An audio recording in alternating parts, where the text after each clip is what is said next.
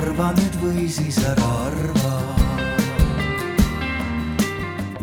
tere tulemast äh, arutelule Mind lihtsalt ei huvita Eesti poliitika äh, vist. ja me täna räägimegi siis sellest, äh, või noh, me üritame aru saada, kas noortele siis meeldib poliitika, mis neid huvitab, mis ei, mis neid selles ei huvita või mis on nii-öelda sellised barjäärid, mis seda mitte huvi tekitavad. Äh, minuga on siin hetkel kolm panelisti. Äh, neljas on saabumas.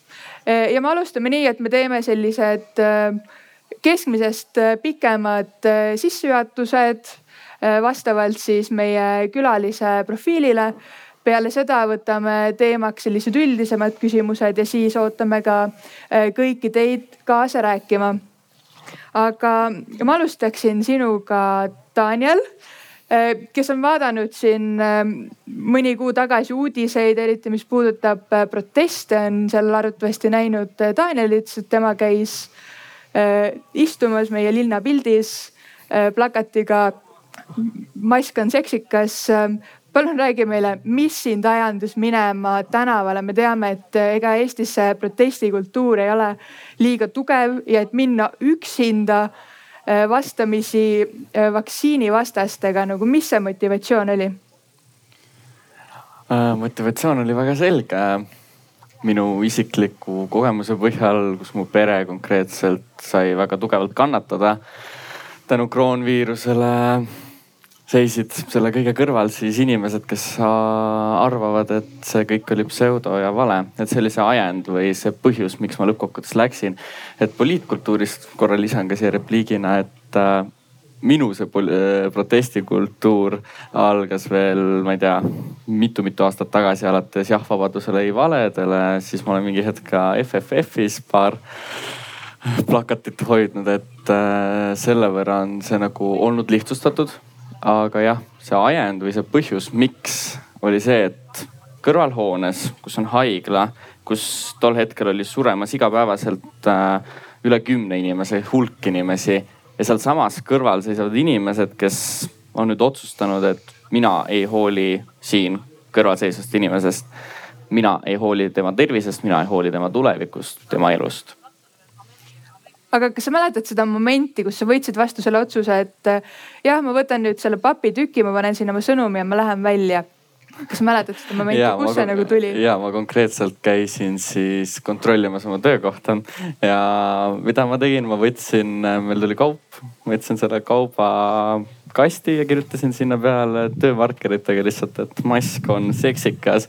mispeale ma võtsin oma jalgratta sealt töökohalt ja läksin juba otse Toompeale. lihtsalt eh, ütlen ausalt, esimesel päeval eh, oli väga-väga külm, see oli Vabaduse väljakul, mitte Toompeal esimene päev ja siiralt mul ei olnud mitte mingit alust, mitte midagi. vot see oli küll selline, et õhtul jõudes koju oli palavik kolmkümmend kaheksa, kolmkümmend seitse, kuus noh. Pole nii tähtis ja ikka võttis niimoodi võbinaks, aga järgmine päev jälle edasi niimoodi juba siis siis tervena. et jah, et see oli see hetk, kus ma töökohas lihtsalt kuskil äh, istud, istusin ja selle markeriga selle katkise kasti peal kirjutasin aga kuidas sa üldse muidu hindad Eesti noorte valmidust äh, minema protestima?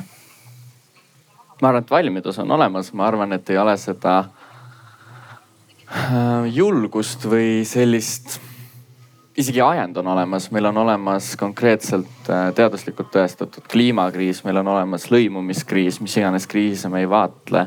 et konkreetsed kriisid, mis puudutavad just nimelt noort, mis puudutavad ta tulevikku, ta äh, ütleme tulevikku ja ta tulevikus hakkama saamist. ja ma arvan, et on puudu julgusest öelda sellele patroniseerivale võib-olla kohati väga jõledale äh, suhtumisele äh, meie erinevate gruppide poolt, olgu need siis keskealised poliitikud, ma ei tea, äh, valgenahalised mehed, meie armastatud tulust hoolivad ettevõtjad, noh, et kõike seda võib sinna laiendada väga-väga pikalt, pikalt, pikalt mm. -hmm. aga kuidas sulle tundub, kui üks noor läheb protestima, kas ta võtab seda, et protest on nii-öelda nagu viis oma meelsust avaldada, võtta nii-öelda poliitikas sõna või ta pigem läheb sinna maailma muutma? ma arvan, et ta läheb sinna ennast teostama, enda sõna väljendama ja seeläbi ta muudab ka maailma. see, et ta läheb sinna, ta muudab maailma. kas ta tunneb seda? ma arvan, et ta väga ei tunneta seda, sest noh, kui sa noh, kuidas saab mingi väike noor, eks ole, nii-öelda enda plakatiga midagi muuta, aga saab muuta ja väga jõuliselt saab seda mõjutada, seda suhtumist või seda konkreetset olukorda, mis ajendas ta sinna tulema. et äh, ma arvan, et ta läheb sinna arvamusega, et see on vajalik ühiskonnale, aga ma ei arva, et ta läheb sinna eeldusega, et see muudab nüüd maailma. Et see muudab tema arusaamist võib-olla või tema lähiringkonda, mis on tema jaoks nagu tähtis. aga kui palju sa ise mõtlesid selle peale, et kui sa lähed sinna välja, sa ikkagi mõnes mõttes teed poliitikat? aitäh. ma arvan, et ma üldse ei mõelnud, see oli niivõrd spontaanne, niivõrd mm, -hmm. ma ei tea see oli siiralt kõige spontaansem otsus mu elus, et lihtsalt minna ja teha seda peaaegu kaks nädalat järjest. et siis mitte mingeid poliitilisi ootusi, mitte mingeid eeldusi, et konkreetselt üks eesmärk, eesmärk seda täiendada ja eesmärk siis muuta antud olukorda, jagada enda lugu äh, ja teha sellest nii-öelda Eesti edulugu siis mm. -hmm aitäh sulle selle lühikese sissejuhatava intervjuu eest Berit, sina juhid äh, Mulgi valla noortevolikogu, meil on siin äh, päris palju äh, noori täna kohal, ma ei ole kindel, et kõik teavad, mis asi on noortevolikogu, kas sa saaksid meile hästi lühidalt seletada, mis see on? no noortevolikogu peaks siis olema nii-öelda kohalikus omavalitsuses noorte häälekandja. Ja ta peaks nagu nii-öelda ütlema seda, mida noored arvavad volikogule aga reaalsuses on see see, et äh, vähemalt meil on niimoodi, et äh, noortevolikogu peab iseennast suruma ja tegema nägu, et ta tahab olla kasulik, sest et tegelikult nagu otseselt volikogu ei huvita see tegelikult, mida nagu noored ütlevad. Või noh, selles mõttes, et nad ütlevad küll, nad kutsuvad meid näiteks, et tulge arutame mingid päevakorrapunktid läbi, aga need otsused on ju tegelikult lähevad lihtsalt kinnitamisele, ehk siis mingit sisendit ei küsita ja lihtsalt see ongi nagu nii-öelda mulle on tihti see tunne, et noortevolikogu ongi lihtsalt sellepärast, et näidata, et me hoolime noorte arvamusest, aga tegelikult sellel ei ole mingit nagu kasu. Jah, eks äh, selle poliitikaga ole ikka nii, et äh, seda tuleb ikkagi aastaid ajada, et äh, lõpuks ka need vanema generatsiooni esindajad saaksid aru, et igas otsuses võiks olla noor kaasatud aga ma küsiks seda, et kui palju üldse kohalikel noortel on huvi, et äh, rääkida valla asjades kaasa, sõdida nende vanema generatsiooni poliitikutega? kui me räägime nii-öelda keskmisest äh, kohaliku omavalitsuse noorest, ehk siis noh, ma tulen nii-öelda Mulgi vallast, mis on siis põhimõtteliselt maakoht, siis tegelikult neil on täiesti suva või noh, selles mõttes, et nagu eh, nad ei tea, kes on vallavanem, nad ei tea üldse nagu, kes seal need nii-öelda volikokku liikmed on, kes nad üldse on ja nagu ja siis nad, olen küsinud ka, et nagu miks sa midagi ei tea, et nagu mind isiklikult huvitab, sellepärast et mul kodus räägitakse sellest, sest mu isa kuulub ise ka volikokku. ehk siis meil tekib nagu see diskussioon, aga kui ma küsin oma sõprade käest, et, et kas sa tead midagi, siis on mingi, et ei, aga et miks ma peaks teadma nagu, et nad niikuinii nagu, et mis see, mis see minu elu puudutab nagu, et, et nagu täpselt selline olukord, et et ma ei tea midagi, aga mul ongi nagu suva. Ja üks mu tuttav ütles selle kohta ka, et, et poliitika on nagu hobi või ta on nagu sihuke huvivaldkond. et näiteks mulle meeldib sport, ma tean spordi kohta kõike, ma tean sportlasi ja on keegi teine, kes teab poliitikuid ja poliitika kohta aga see nii-öelda kohaliku omavalitsuse poliitika sinna kumma nii-öelda spordiala ta niikuinii ei kuulu, aga nagu ta ei kuulu sinna poliitika alla, mida me nimetame poliitikaks ja siis, oih mingi putuks. aga igastahes, et kui me räägime poliitikast, siis mitte keegi ei mõtle, et see peaks olema nagu kohaliku omavalitsuse poliitika. et see on nagu, jääb nii varju ja ma arvan, et see on selle tõttu ka, et, et päris poliitikas äh, aitab meid meedia, aga kohalikus omavalitsuses ei tehta otseselt nagu väga mingit sihukest teavitustööd või ütleme, et kui meil on riigikogu poliitikud, siis nad ise oma mingi Facebooki lehel ka kirjutavad oma arvamusest ja teavitavad, mis, mis täna näiteks mingi riigikogus otsustamisele läheb. aga näiteks meil kohalikus omavalitsuses mitte keegi ei volikogust ega ka vallavalitsusest ei kirjuta nagu näiteks oma Facebooki lehel, mis toimub ja ainuke variant, kuidas noored üldse natukene võib-olla huvi tunnevad selle KOV teemade vastu, on siis, kui tekib mingi draama. Ehk siis eh, mingi asi jõuab meediasse ja siis nad nagu tõstavad pea nii-öelda. või siis äh, näiteks üks Viljandis näiteks on üks noor poliitik selline, et kes on nii-öelda kasvanud siit nendest aktivistide liitudest välja ja ta ongi võtnud selle, et ta kirjutabki enda Facebooki lehel nii, mis me täna otsustasime, ta kirjutab nagu noorte keeles et, et nagu noored saaksid vähemalt jälgida natuke, sest kes ikka läheb sinna volikogu kuskile lehele neid protokolle lugema, sest seal ei ole tegelikult ka mingit nagu sisu otseselt. et nagu ehk siis jah, kokkuvõttes see väga ei huvita kedagi mm. -hmm. aga. aitäh, tahtsin öelda seda, et äh, ma arvan, mitte ainult noored, vaid üldse kohalik äh, elanikkond üldiselt ka ei ole kaasatud sellesse, eriti sellesse valitsemisse kohaliku omavalitsuse poolt, samamoodi nad ei tea ja nad ei tunne huvi, nii et see on tegelikult, te tabate praegu väga head probleemi, see on lai probleem, mitte ainult mm. -hmm. noorte jaoks. aga väga hea küsimus ja ma tean, et Danielil oli ka siin kommentaar. ma täitsa nõustun, et ses suhtes nagu sa ütlesidki, et kuna nagu te olete seal olemas, aga kuna teie nagu nii-öelda mõtted ja ideed ei jõua sinna otsustustasandile, ehk siis neid ei võeta arvesse otsuste võtmisel, siis lõppkokkuvõttes juhtubki see, et noored ei huvitu just selle tõttu, mitte ainult noored, nagu märkis ka meie kuulaja, eks ole, et üleüldse, et inimesed ei tunne, et nende arvamus on kaasatud, eks ole, et siinkohal on konkreetne see barjäär millest me ka täna vist mhm. keskendume, et lihtsalt, et see põhjus ei ole nii, mitte noortes, see põhjus ei ole nagu nende äh, mitte soovis seda teada, vaid see põhjus on see, et nad ei usu sellesse, et nad ei arva, et see toob mingit muutust, nad ei usu, et see kuidagi on neile ja ka nende nii-öelda kogukonnale kasulik tulevikus. ja sest, et see on äh, väga varjatult, no näid-, näide on näiteks äh, nüüd omavalitsused liitusid, on ju, mitte väga hiljuti, aga selles mõttes, et siis valiti näiteks uut sümboolikat ja meie vallas siis tehti ka nii, et äh, ei kuulutatud mingit, nii-öelda kuulutati välja sümboolika konkurss ja lõpuks siis esitleti rahvale, et vaadake, see on meie sümboolika.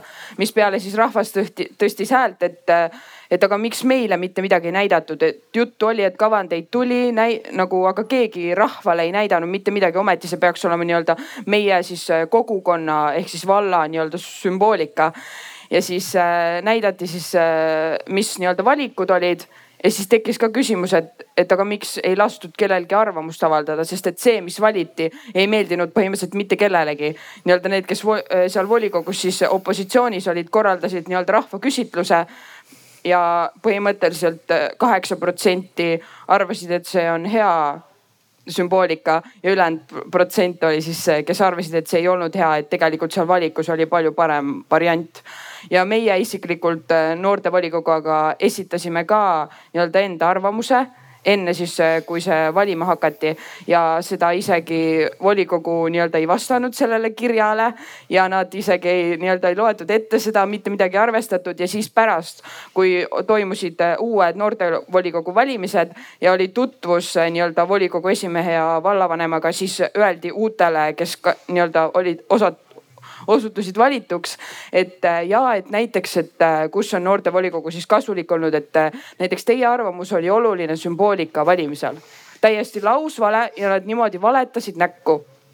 ja see ongi umbes see, et et tehakse nägu, aga tegelikult tehakse kõik nii-öelda varjatult kuskil nurga taga ära või siis tekib see tunne, et et me, et me näitame, mis me ära oleme teinud ja mis on valmis, et vaadake, siin on näiteks me tegime uue ristmiku, et vaadake, kui ilus, aga enne seda ei toimu mingit sellist näiteks kogukonnas diskussiooni, et, et kas seda on üldse teie arvates vaja või mis te arvate, kui suur see võiks olla või mis siin võiks olla, vaid on lihtsalt see, et vaadake, mis me ära tegime, nagu mm -hmm. see ei ole kaasamine ju nii Eesti Noorteühenduste Liit kui ka tegelikult ju Mulgi valla noored panid kokku siis nii-öelda oma platvormi KOV valimisteks, et kuidas sulle sellise kohaliku platvormi kujundamisel tundub, et kas noortel tegelikult on ideid, mis võiks olla seal vallas ikkagi nagu teistmoodi ja paremini või pigem mitte? Neil on tohutult ideid, ma ütleks. Või nagu needsamad on olnud need suured osaluskohvikud ka mis on ka meie vallas ülipopulaarsed ja seal tuleb ka terve hunnikute A3-de viis ideid, mis võiks ära teha. ja siis on ka need nii-öelda tähtsad poliitikud ütlevad, et ja me võtame need arvesse, me arutame neid, aga mitte ükski punkt ei ole mitte kusagil sees, isegi nagu arutelus või nagu, et see lihtsalt öeldakse, et jaa, nii tore, et teil on nii palju ideid ja siis ei võeta nagu nii-öelda üldse nagu tegelikult arvesse või siis hakatakse ütlema, et oi, meil ei ole selle jaoks raha ja siis samal ajal kasutatakse raha mingi täiesti mõttetuse jaoks nagu.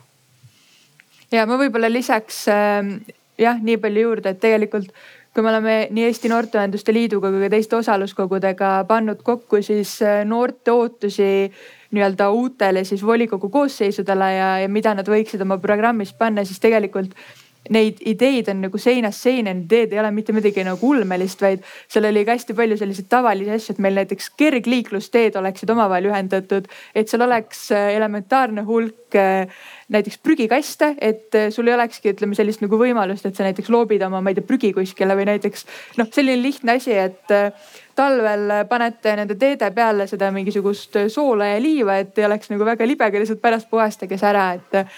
et tegelikult, mis me ise nagu ENL-is näeme, on ka see, et tegelikult noortel on väga palju ideid, eh, ka selliseid ideid, mis muud mõjutavad ka tegelikult ka neid täiskasvanuid, et, et ei saagi ainult rääkida siuksed nagu noorte ideed või noorte jaoks vajalikud, aga hästi elementaarsed asjad. aga liigume edasi. Meiega on siin ka täna Sandra Äh, kes lööb kaasa sellises liikumises nagu Fridays for Future. äkki sa hästi lühidalt räägid meile, et ähm, mida te teete ja, ja mida te üritate saavutada? Uh, Fridays for Future liikumine tuleb uh, Greta Thunbergi ideest iga reede streikida, et valitsus saaks aru, mida kõike nad valesti teevad ja kliimakriisile tuleks adekvaatselt vastata ja me üritamegi streikida iga reede või noh, ei ürita, olemegi sada kakskümmend seitse korda seda juba teinud. ja streigime, üritame valitsuse tähelepanu saada, öelda, et nad teevad kõike valesti või noh, mitte kõike, aga peaaegu. ja üritame ka kliimatunde anda noortele ja samal ajal kirjutame ka artikleid, varsti hakkab ilmuma äh, Eesti Päevalehes iga, ei üle reedel ülereedeline kolumn, mida noored kirjutavad, et enda häält äh, kostma saada. aga kuidas sulle tundub, kui äh, need noored, kes teiega seal neid plakateid hoiavad ja oma sõnumit edastavad, kas nad nagu näevad seda ikkagi sellena, et nad teevad poliitikat või pigem on ka see, et nad tahavad lihtsalt midagi ära teha ja nad näevad, et maailmas on tõsine probleem? mis see tähendab, et poliitikat tegema? No kas sa nagu, kas nad nagu teadvustavad endale, et kui ma lähen sinna, ma nii-öelda teengi sellist nagu poliitikat, üritan neid poliitikuid eh, teadlikult mõjutada? me üritame teha seda, et maailm saaks aru, et ähm,, et nad on käitunud valesti ja on aeg muutuseks ja see muutus ei saa tulla ähm, nagu kahekümne aasta jooksul võib-olla, vaid see peaks olema tulnud eile. Äh, muutus ei saa tulla äh, valutult, vaid muutus ongi äh, olukord, kus on palju vigu ja ähm, muutus on olukord, kus ähm, pead vahepeal neli sammu tagasi astuma, aga see on oluline, et lõpuks teie lapsed ja lapselapsed saaksid elada normaalset elu ja ma ei tea, kas see on poliitika tegemine, see on lihtsalt äh, üritamine elus püsida ja äh, noh, lihtsalt loota, et, äh, et need inimesed, kes ei ole rikkad ja kes ei saa ähm, eliitkooli sisse näiteks, et nende elu on ka äh, väärt midagi ja ei ole nagu igapäevane olelusvõitlus. Mm.. kui äh, Daniel käis protestimas, siis tema sõnum oli ka tegelikult see, et äh, pigem ärge nagu tulge, et muidu me näitame sellist nagu halba eeskuju. Ähm, aga kuidas on teil, sest teil on ikkagi vaja nagu saada võimalikult palju noori sinna kohale, et kui, kui lihtne või keeruline on äh, saada ühte koolinoort äh, plakatitega tänavale? Mm, ma arvan, et ükskõik keda Eestis on üsnagi keeruline tänavale saada, sest et ja ma arvan, et tegelikult noore ülesanne ei olegi minna tänavale. kui sa oled noor, siis sa peadki olema noor ja elama ja kasvama inimeseks. sa ei pea äh, minu meelest see on rumal, et me arvame, et noored peaksid seisma äh, plakatitega, et need viiekümne aastased võtaksid mingi otsuse vastu. vaid äh, oluline on, et noor saaks elada ja õppida enda vigadest ja panna hullu ja lihtsalt. Aga me ei saa seda teha sellepärast, et äh, me näeme, et äh, minu lapsed näiteks ei saa Tallinnas äh, Mustamäelt kesklinna neljakümne minutiga transport, ühistranspordiga. Ja see on see, mida need inimesed seal valitsuses nagu arvavad, et see on okei. Okay. aga ei ole ja see on lihtsalt tüütu.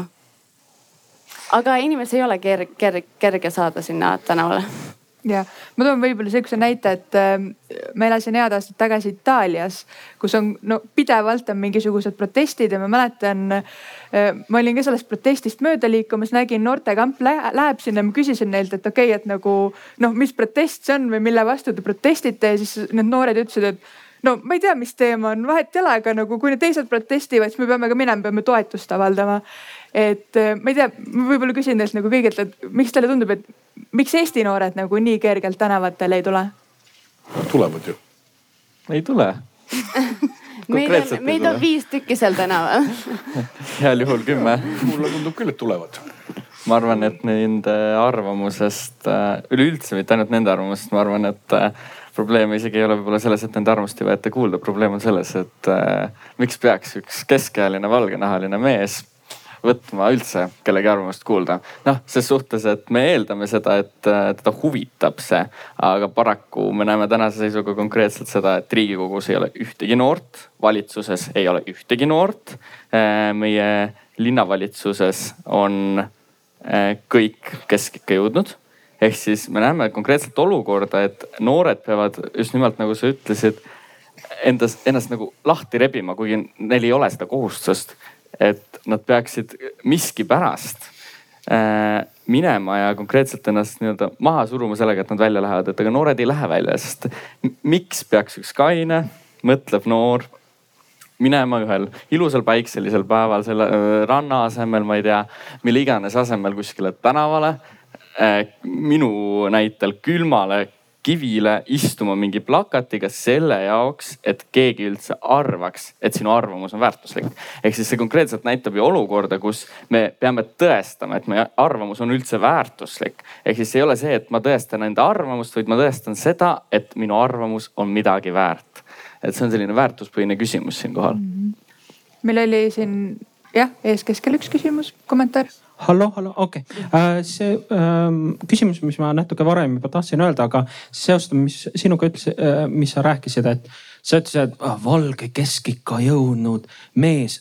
tegelikult ei, ei, see ei ole seotud ei keskea sellega, et ta on valge ega see, et ta on mees, see tähendab, ta, ta on lihtsalt võimul ta on, ta on võimul, vahet pole, kas see on naine, kas ta on seitsekümmend, kakskümmend, viiskümmend, vahet pole. Äh, ja lihtsalt inimestel on komme, et kui ma olen juba võimul, äh, mida rohkem võimu, seda, seda parem, et, et äh, ja, ja see, see on tihtilugu ka noh, ma olen ise ka püüdnud üsna aktiivselt poliitikutega suhelda, vahet pole kes ja sa tunnetad, et need ähm, paljud poliitikud, nad tahavad lihtsalt ümbritseda end inimestega Äh, kes, kes kas A, kõik on mingi ja, ja sa teed nii tublit tööd, sa oled ülihea. ma olen su suurim fännklubi. no näiteks ma käisin äh, Kaja Kallast vaatama äh,, kuulamas ja siis te, nagu hord mingisuguseid noori reformitüdrukuid ümbritsesid teda ja, ja, ja kõik, kes olid teise arvamusega, ta nagu eiras, ta lihtsalt tahtis seda aupaistet enda ümber. et äh, ja sama ma olen tunnetanud näiteks, ma ise elan ka Mustamäel, et kui ma olen püüdnud seal linnaosa vanemaga rääkida, siis teda jah huvitab ainult see, kes äh, kiidab teda. või teine variant on, et keegi tuleb nii banaalse küsimusega, et äh, ma ei tea, mu kaevuluuk ei tööta, mida sa saad teha. see ei seostu minuga, et, et ta tahab nagu, et kas täielikult oleks olemas põhjus, miks eirata või siis, et keegi, kes kinnitab. ei, ma olen täiesti nõus ses suhtes, et see ei ole ka see see, et see ei ole probleem, ei ole selles, et ta on mees või ta on valge, see ei ole nii tähtis. probleem on selles, et nad on niivõrd suures enamuses, et nad ei tunne vajadust seda kuidagigi äh, nii-öelda laiali ütleme seostada, et nad ei tunne vajadust, et seal oleks äh, naissoost isik või äh, ma ei tea, mittebinaarne isik, nad ei tunne mitte mingit vajadust selle jaoks, sest neil on konkreetne võim. et noh, et aga näited on päris head, et jah. Reformi noorte tüdrukud. okei okay,, ärme hakka siin konkreetselt ühtegi erakonda praegu minema, aga meiega on vahepeal liitunud ka Kristjan Äh, kes töötab siis Tallinna Haridusametis ja tegeleb äh, päris palju NEET-noortega. äkki sa ütled meile võimalikult täpselt, aga võimalikult lühidalt, mis see NEET-noor on? NEET-noor on noor, kes ei tööta ja ei õpi ja kes ei tegutse sellel teemal, et ta tahaks tööle või kooli minna. Hästi kiiresti öeldes. jah, äh, kuidas sulle endale tundub, kas NEET-noortel üldse on mingisugust huvi ühiskonnas toimuva vastu või nagu pigem neil puudub see huvi nagu täielikult? kui me räägime sellisest väga tüüpilisest NEET-noorest, siis pigem puudub. miks? ma ei tea ma tahaks vastata sellele, sest mul on tunne, et mina olen nagu semi-neetnoor. Ja asi ei ole selles, et äh, meid ei huvita, vaid me elus toimub nii palju muid asju, et sa ei saagi nagu tegeleda sellega, mis seal kuskil kaugel toimub. sa üritad iga päev teha nii, et sul vend oleks elus ja kõht oleks täis ja ema ei nutaks või midagi sellist. Jah ega ütleme nii, et kui me räägime väga tüüpilisest NEET-noorest, siis äh, tema selline äh, mõttemaailm, ega, ega, ega, ega ta ei jõuagi väga palju kaugemale sellega, et sellest, kui ta tahab nagu ise, iseendaga hakkama saada mm. -hmm. ta proovibki iseendaga hakkama saada mm. -hmm. ja no selleni ma tegelikult tahtsingi jõuda. Äh, kui me vaatame mis siin nii-öelda sellises päevapoliitikas on toimunud, siis eile kinnitati ka noortevaldkonna arengukava lõpuks, mis tegelikult seab ka üpris suurde fookusesse selle, et noored oleksid kaasatud eh, mida me teeme ka Eesti Noorteühenduste Liidus, me üritame ikkagi luua neid võimalusi, et kõikidel oleks võimalik osaleda, olgu siis selleks osaluskogu töös, mõnes noorteühenduses. Ehm, aga mida ma tahakski teilt uurida, on siis see, et mis on need eeltingimused üldse, kui me räägime need, need noortest, mis on vaja täita, et me saaks hakata sellest rääkima, et nad saaksid aktiivselt ühiskonnas osaleda? ega noorel peab olema endal huvi. et, et äh, kas ta huvitub sellest, mis maailmas toimub, kas ta huvitub sellest, et saab kaasa rääkida, kas ta huvitub sellest, äh, et äh, ta kasvõi ka uurib midagi või siis mitte. Mm.. aga poliitika on juba nagu süsteemilt väga kindel hierarhia. Ja kui sa mõtled, et sa oled äh, noor, see sinu arvamus tegelikult äh, ei ole tihtipeale äh, ei baseeru mingil suurtel eelteadmistel või eel, eelkogemustel. Ja seega mida poliitikas eelistatakse, ongi see, et sul on need kümme aastat mingit eelelu ja nii sa arvatakse, et sa teed äh, häid otsuseid, aga tegelikult tänapäeva ühiskonnas äh, see vanem inimene ei tea, mis on see uus ja õige. kasvõi nagu lugedes Tallinna äh, põhiinseneride ideid, kuidas suuri vihmasadusid ohjata, need on nagu, need on kümme aastat vanad ideed. ja tegelikult ongi, et äh, need inimesed, kes praegu valitsevad, nad äh, kasutavad neid vanu ideid, mis on ammu juba kaotanud enda parim enne tähtaja ja juba hallitab. ja see noor, kes tegelikult inimesena, tal ei ole seda suurt elukogemust, aga ta, ta teab midagi, siis ta ei saagi sinna struktuuri sisse, ta ei saa ennast sinna hierarhiasse sisse lüüa. ja sellepärast see demokraatlik süsteem, mis, mida ajendab kapitalism, noor ei saa sinna enda arvamusega nagu pädevalt vahele mm. -hmm me oleme rääkinud siin päris palju äh, poliitikast ja, ja mulle endale hakkab tunduma, et me räägimegi nagu, mis on selline nagu poliitika äh, mis ongi selline nagu süsteemne, mingisugune keeruline asi.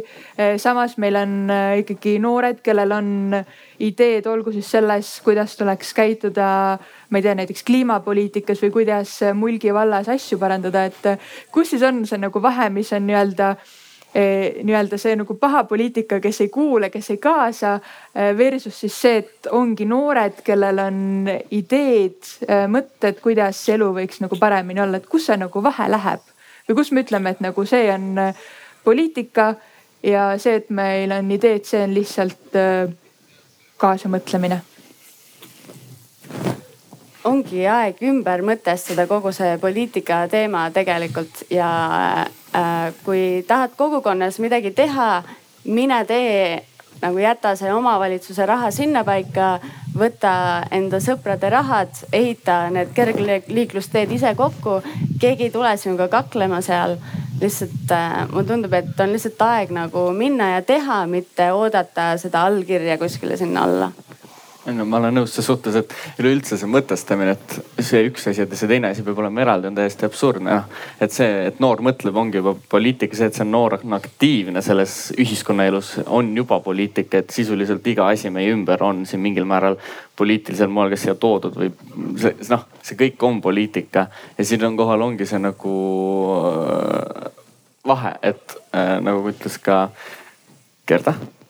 Gerda vist mitte, aga sellegipoolest äh, nagu ta ütles, siis äh, meil on vaja tegutseda ja meil ei ole vaja tegutseda võib-olla mitte niivõrd ka kogu, kogukondlikul või koha äh, kogukondlikul või kohalikul tasandil, vaid vastupidi, meil on vaja tegutseda ka nende kõige suurematel tasanditel.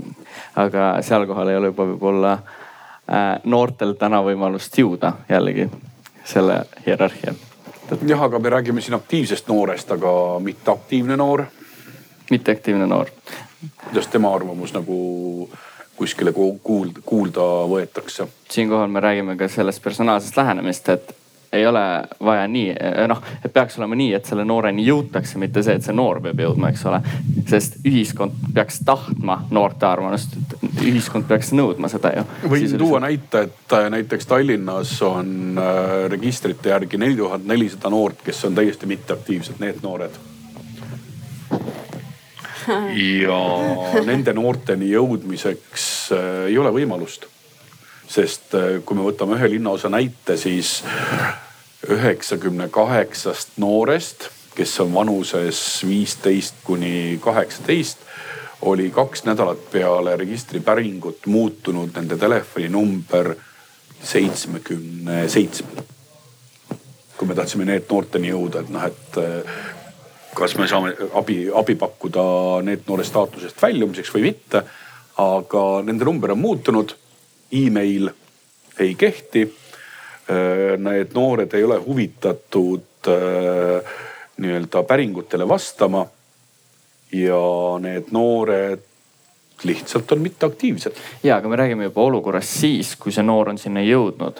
et noh, et äh, olukorda, kus ta ei huvita või olukorda, kus ta ei taha huvituda konkreetselt. me ei räägi siinkohal sellest protsessist, miks ta sinna jõuab või kuidas ta sinna jõuab. ehk see ülesanne siinkohal äh, linnal või mis iganes äh,. KOV-il. KOV-il, eks ole, on see, et ta peab selle protsessi eeldama, eks ole, et ta peab eeldama äh, või ennetama selle, et see noor jõuab üldse sinna, eks ole, või äh, ta peab nii palju olema personaalne tema jaoks enne et ta jõuab lõppkokkuvõttes ikka, kus ta on väga huvitatud sellest, eks ole aga tegelikult siit me jõuamegi sinna, et eh, kuidas saavad inimesed võimule, kes praegu võimul on ja enamasti ongi see väga nagu tüüpiline see ongi see valgenahaline mees, kes on eh, kõrgema keskklassi inimene. Eh, haridust on tal nagu mingi noh ütleme kõrgharidus, aga selline nõukaaja kõrgharidus ja seda inimest ei huvitagi see, et kuidas teha seda elu paremaks.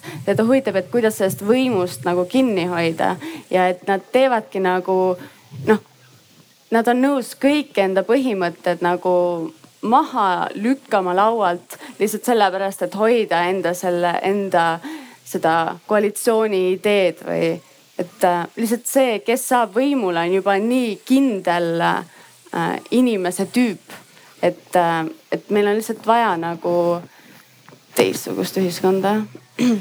ja ma mõtlen ka, et nagu see eriti väikestes kohtades on põhimõtteliselt see, et kui, kui üks inimene on võimul, siis ta on võimul mitukümmend aastat võib-olla isegi, sest et kui on eriti, kui ongi nagu vana, vanem ühiskond nagu kohalikus omavalitsuses ka, siis äh, nad äh, valivad nii-öelda KOV valimistel ka seda, kes nad teavad, et ta on niikuinii seal pildis olnud, järelikult ta teeb õiget asja.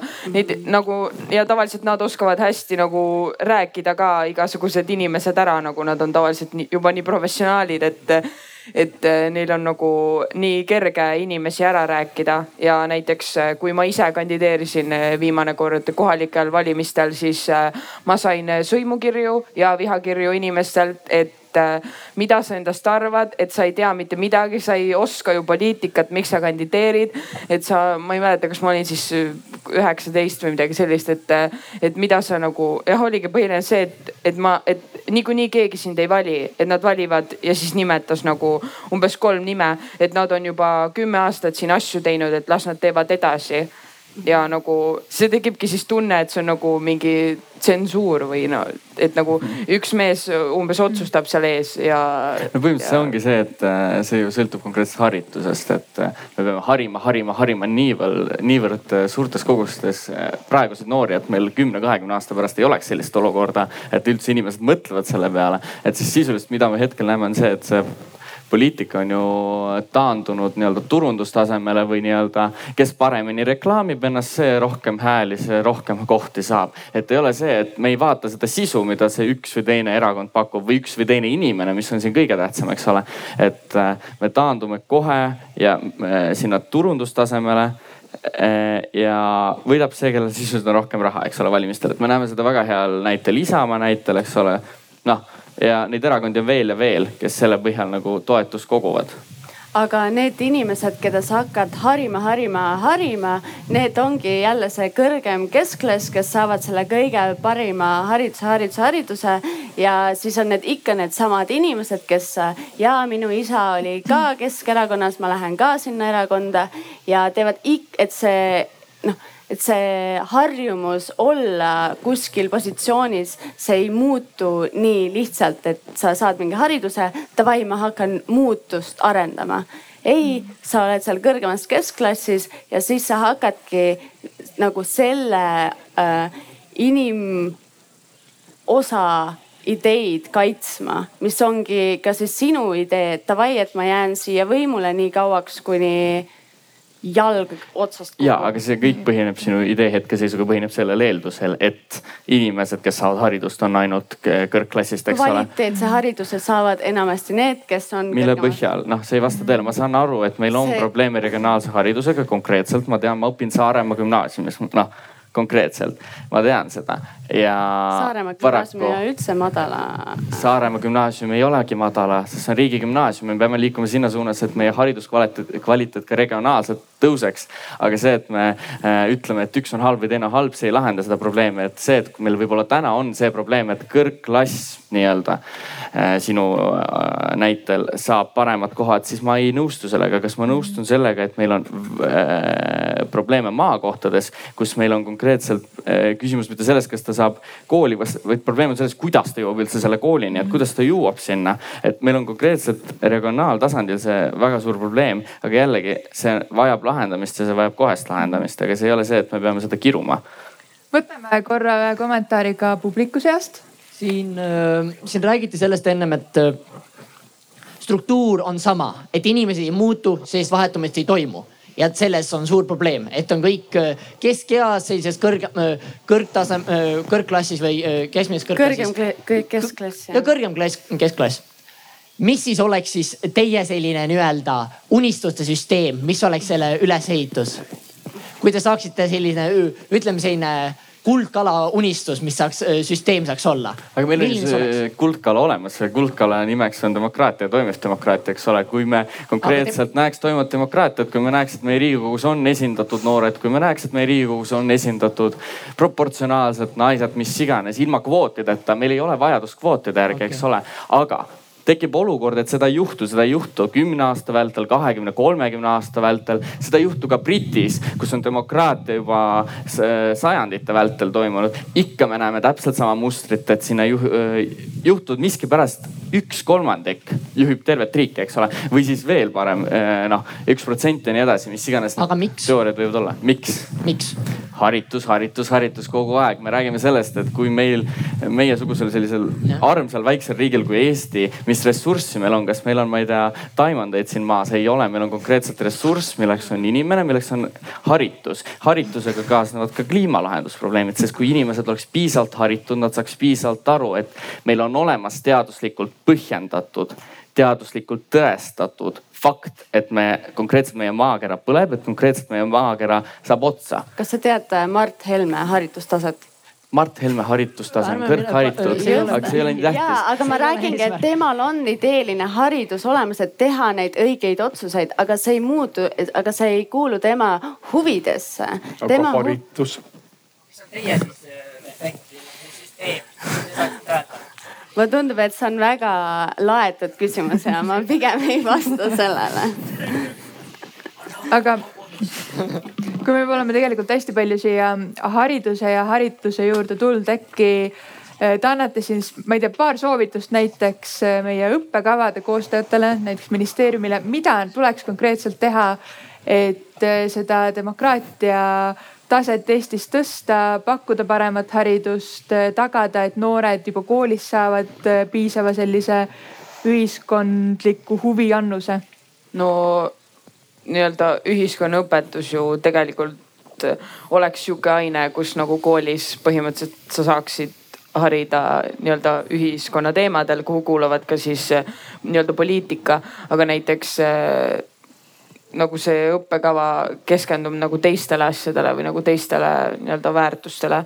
et äh, ongi näiteks a la kohalikust omavalitsusest räägitakse võib-olla ühes tunnis ja ülipinnapealselt ja et meil on seal volikogu ja nii ja siis lähme edasi nagu et see peaks nagu keskendumagi sellele, et tuua mingeid situatsioon, olukordi ja näidata, et nagu kuidas neid a la otsuseid tehakse ja nagu rohkem seda ette tuua, sest tänapäeva noortele sa pead kõik nagu põhimõtteliselt äh, ette tooma ja ette näitama, sest ise nad nagu ei leia seda infot üles või nagu meil on sihuke infomüra ka igal pool. et me peame nagu sundima neid põhimõtteliselt seda läbi töötama enda jaoks kasvõi koolis nagu mm. -hmm. okei okay,. eks see sõltub palju ka õpetajatest, sest äh, mina oma keskkooli või gümnaasiumi ajast mäletan küll, et meil oli väga vahva ühiskonnaõpetuse õpetaja, kes tegi simulatsioone, kes äh, tõesti nagu nägi vaeva selle nimel, et me jõuaksime nii kaugele, et me saaks adu, aduks ja saaks aru, et mismoodi volikogu töötab, mismoodi riigikogu töötab,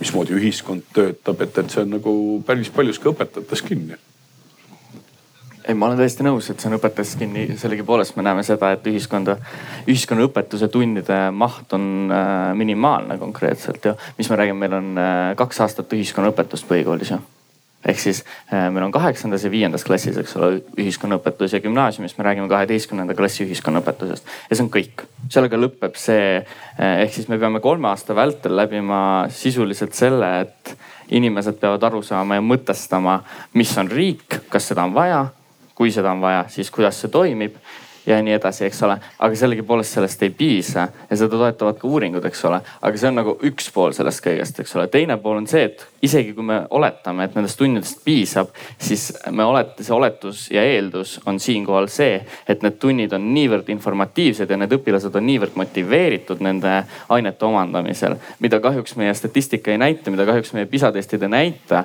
meie PISA testid näitavad seda, et iga kolmas õpilane äh, ei ole motiveeritud peale koroonaaegset äh, õpet. meie statistika näitab seda, et koolikiusamine ei ole muutunud aastast kaks tuhat viisteist mitte grammigi paremuse poole ja see kõik mõjutab seda, et lõppkokkuvõttes inimene pettub, lõppkokkuvõttes inimene jõuab staadiumisse, kus ta ei tunne vajadust, et vajadus selle järgi, et keegi temast isegi hooliks võib-olla. et see kõik on tagajärgedest, aga me ei saa rääkida tagajärgedest, me peame rääkima sellest, kuidas saaks need tagajärjed ennetada, kuidas me saame ennetada selle, et ma ei tea kliimakriis leiab oma, ma ei tea, finaalfaasi, kuidas me saame selle ennetada, kuidas me saame ennetada, et see õpilane jõuab sinna faasi, et ta ei taha enam olla ühiskonnas aktiivne, kuidas me jõuame sinna faasi, et kõrgharitud inimene ei usu teadust, kuidas me sinna jõuame, eks ole, et see on see küsimus siinkohal mm. -hmm.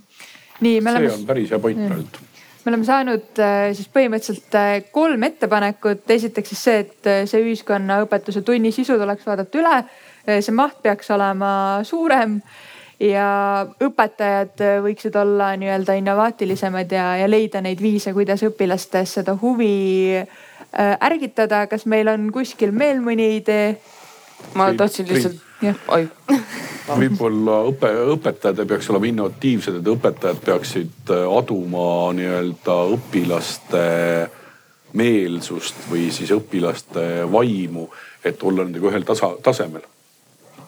Et sa võid ükskõik kui kõrgelennulisi ideid seal tunnis maha pritsida, aga kui õpi, õpet-, õpilased ei ole samal äh, nii-öelda tasemel, siis ei ole sellest üldse vist kasu jah, sellega olen täiesti nõus, aga siinkohal jällegi tuleb ette fakt, et meil on õpetajate puudus ja regionaalne areng ei ole olnud niivõrd võrdne, kuidas ta võiks olla, eks ole, et näiteks kui sa õpid kuskil Võru gümnaasiumis, jah sul on riigigümnaasium, mis võimaldab sulle seda, aga kui sa õpid kuskil, ma ei tea äh, Pärnus näiteks, siis sul on mitu-mitu keskkooli, mida juhib KOV ja paraku on Pärnu inimesel vähem raha või noh, KOV eraldab ühele inimesele vähem raha, kui seda teeb Tallinn või Rae vald või Viimsi vald, eks ole. et siinkohal tekib kohe see uh,, see täpselt seesama hierarhia, mis sisuliselt paneb selle õpilase sellisesse olukorda, et KOV või kool ei saa talle võimaldada õpetajat, kes temaga on ühel lainel, eks ole. ja seda enam ei saa seda võimaldada talle riik. et noh, need kõik on jällegi teemad, mis kalduvad sinna üldisesse, et meil ei ole nagu mingeid selliseid tugisüsteeme ja meil ei ole mingit eeldus nagu äh,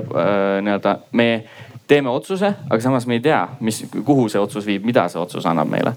ma tahtsin lihtsalt enne siin vahele öelda, et äh, ega noor ei ole loll selles mõttes, et äh, ja miks teda ei huvita poliitika, on see ka, et okei okay,, ta koolis saab teada, mis see on ja nii. siis eh, kui meil on näiteks koolis kõikide ainete nii-öelda see õppekava tähendab, et eh, sul peab, et sa pead õppima koolis koostööoskust.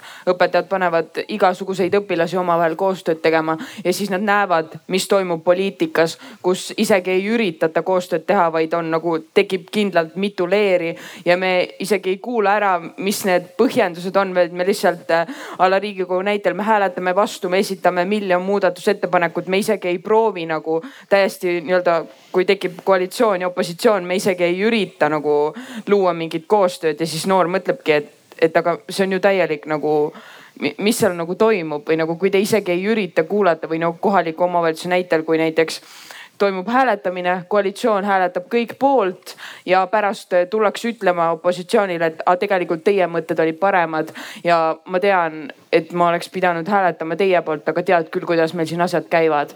ehk siis põhimõtteliselt jälle see, et inimesed kardavad oma kohast ilma jääda ja siis ei toimugi mingisugust nagu koostöö üritamist või nagu lihtsalt on, et üks karjub ühelt poolt ja teine teiselt poolt, aga noored näevad ju seda ja Riigikogu puhul ka, et meedias lihtsalt üksteise peale põhimõtteliselt karjutakse ja solvatakse et nagu see ei näita mingit head eeskuju ka, et miks ma peaks selle vastu huvi tundma, sest mina ei viitsiks nagu kakelda kogu aeg. Kristjan äh, ma selle poole pealt ütleks, et noor on täiesti normaalne inimene.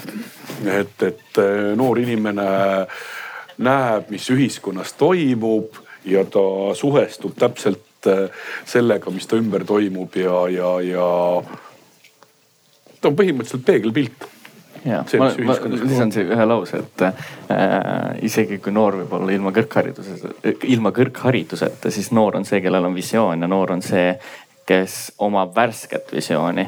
mitte, et mõni teine ei suudaks ka seda omada, aga paraku noorte seas on see protsent kõrgem, sest ta alles alustab oma teed ja tal on konkreetselt võimalus särada nii, et see viiks tema tulevikku, mida konkreetselt hetkel ehitavad nagu need inimesed ehitavad siis minu tulevikku, eks ole. siis konkreetselt tema saaks selle ideede säravisega enda tulevikku ehitada. ja noor ei karda, mulle tundub, et äh, see, mida need viiekümne aastased mega palju kardavad, ongi eksides, nad ei julgegi teha olulisi otsuseid, vaid nad kaklevad omavahel mingite pseudoprobleemide pärast ja nad ei julgegi võtta vastu Nad kardavad teha muutusi, nad kardavad kaotada oma kohta, nad kardavad teha muutusi. no nii on Nad see on on ju. nõrgad. nii, meil on. mina sihukene keskealine valgenahaline heteromees tundub, et ma tahaks siit pealt ära minna. aga anname vahepeal sõna publikule. Hallo ah,, okei okay,, väga äh,. igatahes see on alati kõige põnevam osa siin äh,. igatahes äh, minu küsimus on sellega seoses, et minu meelest äh, palju olulisem muudatus, mida me peaksime tegema, on üleüldises valimissüsteemis, et kui me liiguks selle poole, et meil ei ole enam nii-öelda protsendipõhine ega noh äh,, nii väga me ei ole äh, valimisnimekirjades kinni, aga meil on selle asemel näiteks äh, ranking vote, et inimesed lähevad sinna ja panevad enda top viie ja selle top viie põhjal, kui näiteks keegi ületab äh, mingi kvoodi, valimiskvoodi, no näiteks, et sa pead tuhat häält saama, et saada äh, volikokku et kui sa saad näiteks tuhat kakssada, siis need kakssada ei lähe äh, nendele inimestele, mis partei otsustas, vaid see läheb äh, nendele inimestele, keda su valijad äh, nagu pooldavad et kui me läheks sellele süsteemile üle, siis meil tekiks võimalus üksikkandidaatidele rohkem, sest äh, siis ei ole hirmu, et aa, ma hääletan näiteks äh, ainult äh, Talviku poolt, et kui ta saab kõik mingi kakssada tuhat häält, ta saab ainult ühe koha Riigikokku, aga näiteks Talvik ütleb, et aga siin on minu sada head sõpra, hääletage nende poolt, kui või näiteks mina pooldan sotsiaaldemokraate kõige enam.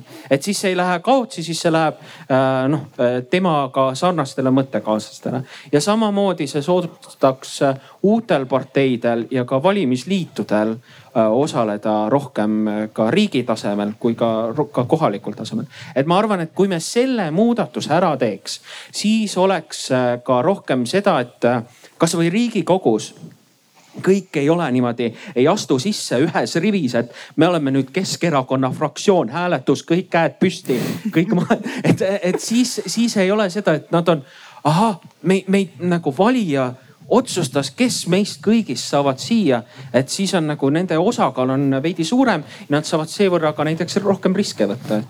kust sa sellise mõtte oled saanud, et nii peaks olema?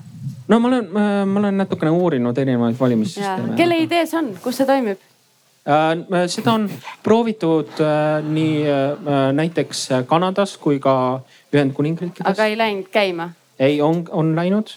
töötab hästi Tööt,? ja töötab hästi jah. Davai aga seda on äh.... ei ses suhtes lihtsalt pragmaatiline olukord, et vot läheb valija, valib oma viis inimest ära konkreetselt ja siis ta valibki, oletame, et kõik need sada protsenti valib ja ainult need viis inimest, mis edasi? ei, ei lihtsalt seal on top viis. Et su hääl läheb näiteks ongi äh,, sinu esimene valik oli noh Talvik näiteks. Ja, ja siis ülejäänud äh,, kui Talvik sai rohkem, siis see läheb su teisele valikule, kui see äh,, et, et, et see on nagu see noh see läheb võib-olla natuke keeruliseks, aga noh, põhimõtteliselt, et su hääl ei lähe kaotsi, kui sa hääletad üksikkandidaadi poolt ja äh, su hääl ei lähe mingile suvalisele Martale, kes oli juhuslikult riiklikus valimisnimekirjas teisel kohal ja sul pole õrna aimugi, kes ta on, ta ei esinda su vaateid ega noh. okei okay. Aga no ma, ma, ma ise arvan, et äh, rohkemgi kui see hariduslik pool, mille tegelikult äh, äh, mille, mille poole me juba suundume, kui me tahame nagu suuremat muudatust süsteemis, siis me peaks tegelikult muutma valimissüsteemi just. aga noh. meil on veel üks kommentaar. jah, ma nüüd räägin risti vastu, muidu väga head mõtted, aga minu arust on see valimine, see on nüüd üks tehniline asi lihtsalt. et tema, riiki on olnud ju aastasadu erinevaid ja need kõiki on proovitud, aga me oleme ikka inimesed kõik ja siin me oleme, räägime sel teemal ikka edasi, eks ole. et selles mõttes, et see on nagu tehniline lahendus, aga, aga kõige, mis mina näen ise olles noorsootöötaja, olles õp, õppinud seda asja, siis minu arust, et teid on siin praegu noori on, eks ole, vähe aga, aga te olete tublid ja minu arust probleem on see, et me peame suutma noh, see on mitte me ei pea suutma, vaid kuidagi peab jõudma olukord sinna, et ei ole niimoodi, et meil on polariseerunud, teie siin aktiivsed noored räägite, et kõik on halb, kõik on paha, kõik on paha, me tuleme, teeme nagu teistmoodi. et see, see tähendab täpselt samamoodi, et te käituks samamoodi nagu praegu see valitsus käitub nagu. et see polariseerumine sellisel kujul, et me teeks, me teeks, me teeks, aga me ei saa teha.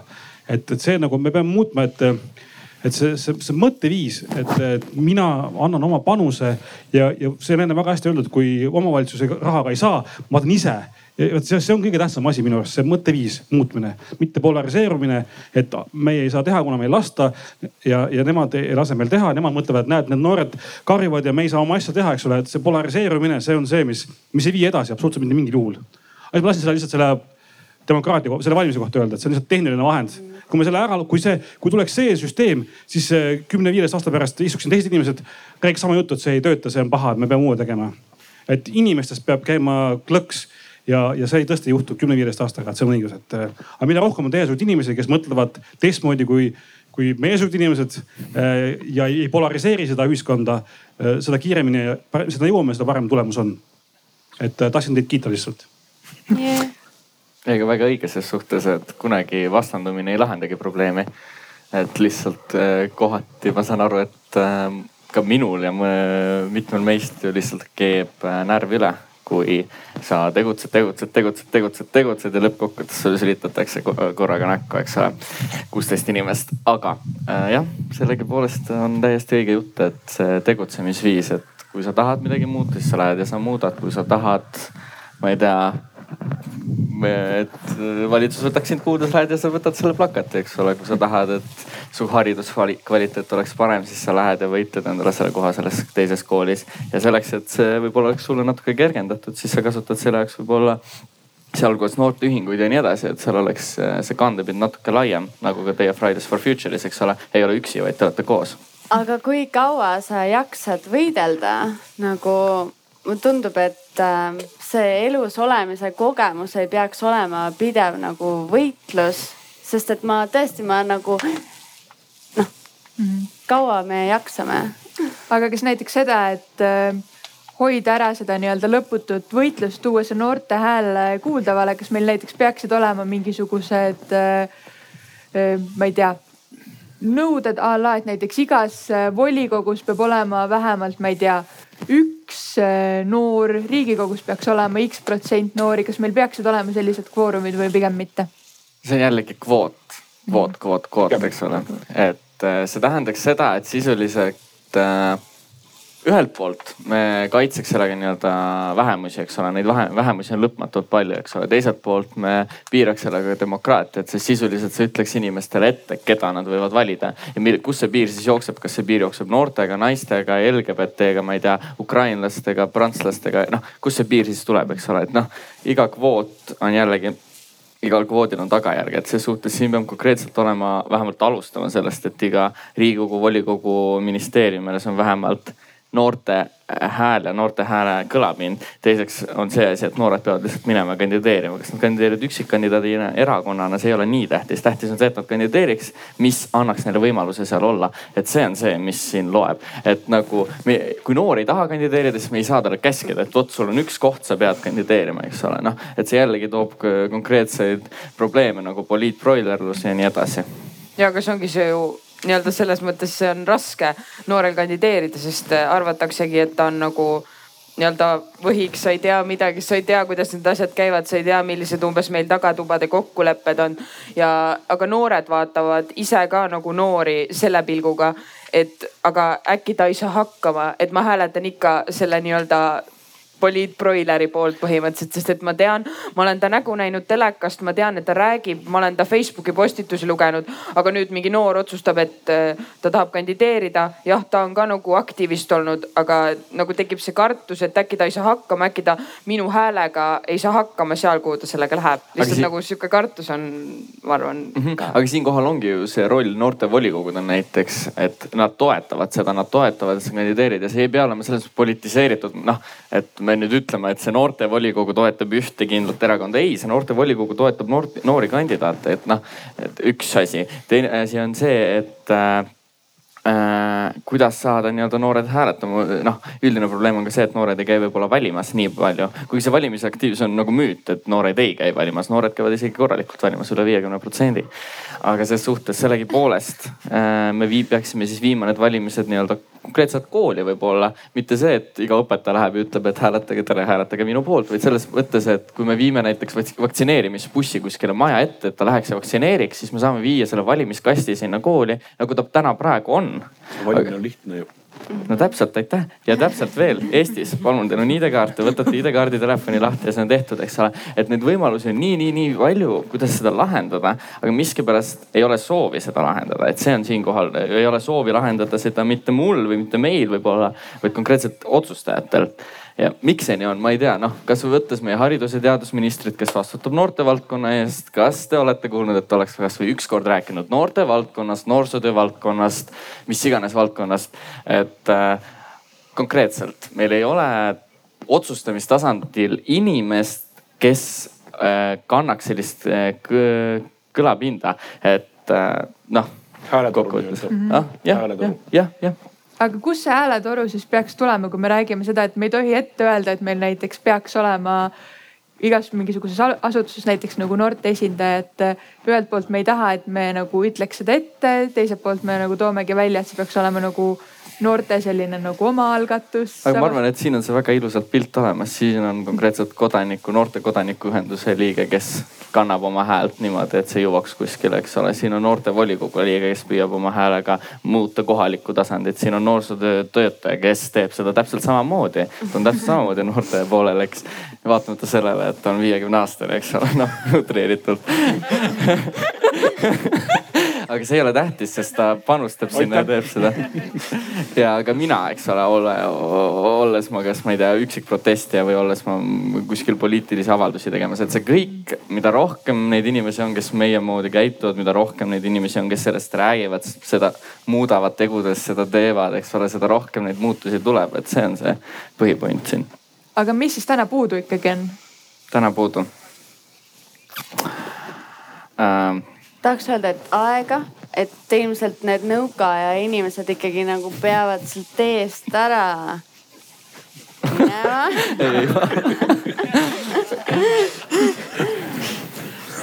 ja siis me saame.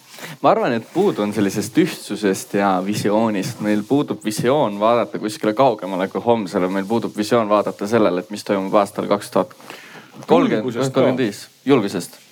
Nagu... kelle seas, keskealisete seas?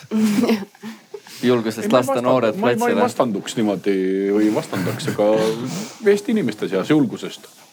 Välja öelda, mis ta soovib, tahab, mõtleb, unistab. ja võib-olla tõesti, kuidas seda muuta aga mulle tundub, et kui me näiteks räägime nendest NEET-noortest või nendest inimestest, siis äh, ne, nagu see julguse teema on jälle nagu mingi viies küsimus tema elus. viiekümnes. noh, täpselt, et, äh, et nende nagu põhivajadused on täiesti rahuldamata, sellepärast et kapital on jaotunud täiesti mingisse muudesse kohtadesse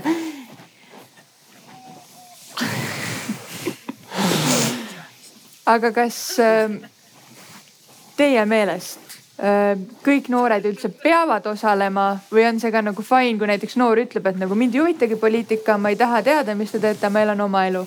või nagu, või me ikkagi peaksime seda suruma, et nagu iga noor reaalselt räägiks kaasa, oleks aktiivne? minul on nagu see seisukoht, et äh, tahad sa teed või kohvi? et äh, sul peaks olema enda seisukoht selles osas, et kas sa tahad teed või kohvi. Ja sul peaks olema julgus välja öelda, kas sa tahad teed või kohvi mm. -hmm. aga seda julgust, tahtmist, seda häält siiski paraku ei ole. sest ka me ei räägi ainult noortest, ka täiskasvanud ei julge öelda tihtipeale, kas ta tahab teed või kohvi. miks?